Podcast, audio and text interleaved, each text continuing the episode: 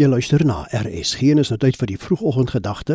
Dit word veraloggend aangebied deur Dominee Janus Roo van die NG Gemeente Gamtoosvallei Oos in Patensie in die Oos-Kaap.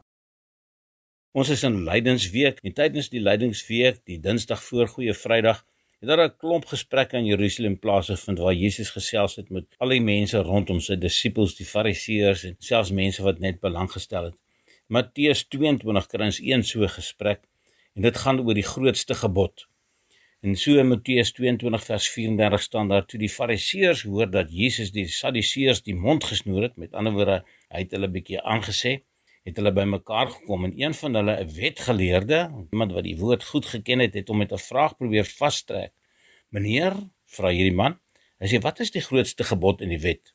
En luister hoe antwoord Jesus hom. Jesus sê vir hom daar in vers 37: "Jy moet die Here jou God lief hê met jou hele hart en met jou hele siel en met jou hele verstand."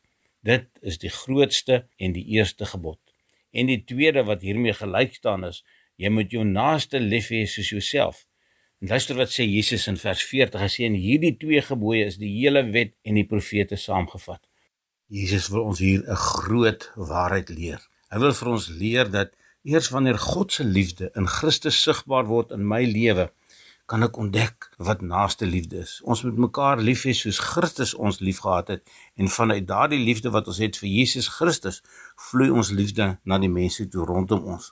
Ons lewe in 'n onvolmaakte wêreld vol haat en nait en oordeel en veroordeling. Dit is so maklik om iemand te kritiseer en negatief te praat en sosiale media maak dit so maklik om sommer lelike dinge te sê oor iemand.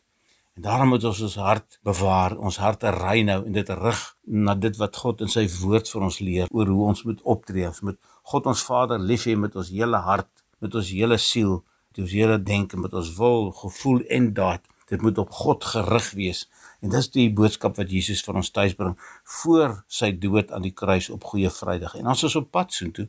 Ons is saam op pad om dit te vier ook En ons noem dit Goeie Vrydag juis omdat daar 'n resultaat is ook daarvan. Jesus het opgestaan op die Sondag 3 dae nadat hy dood is aan die kruis. En dis wat vir my en vir jou hoop gee.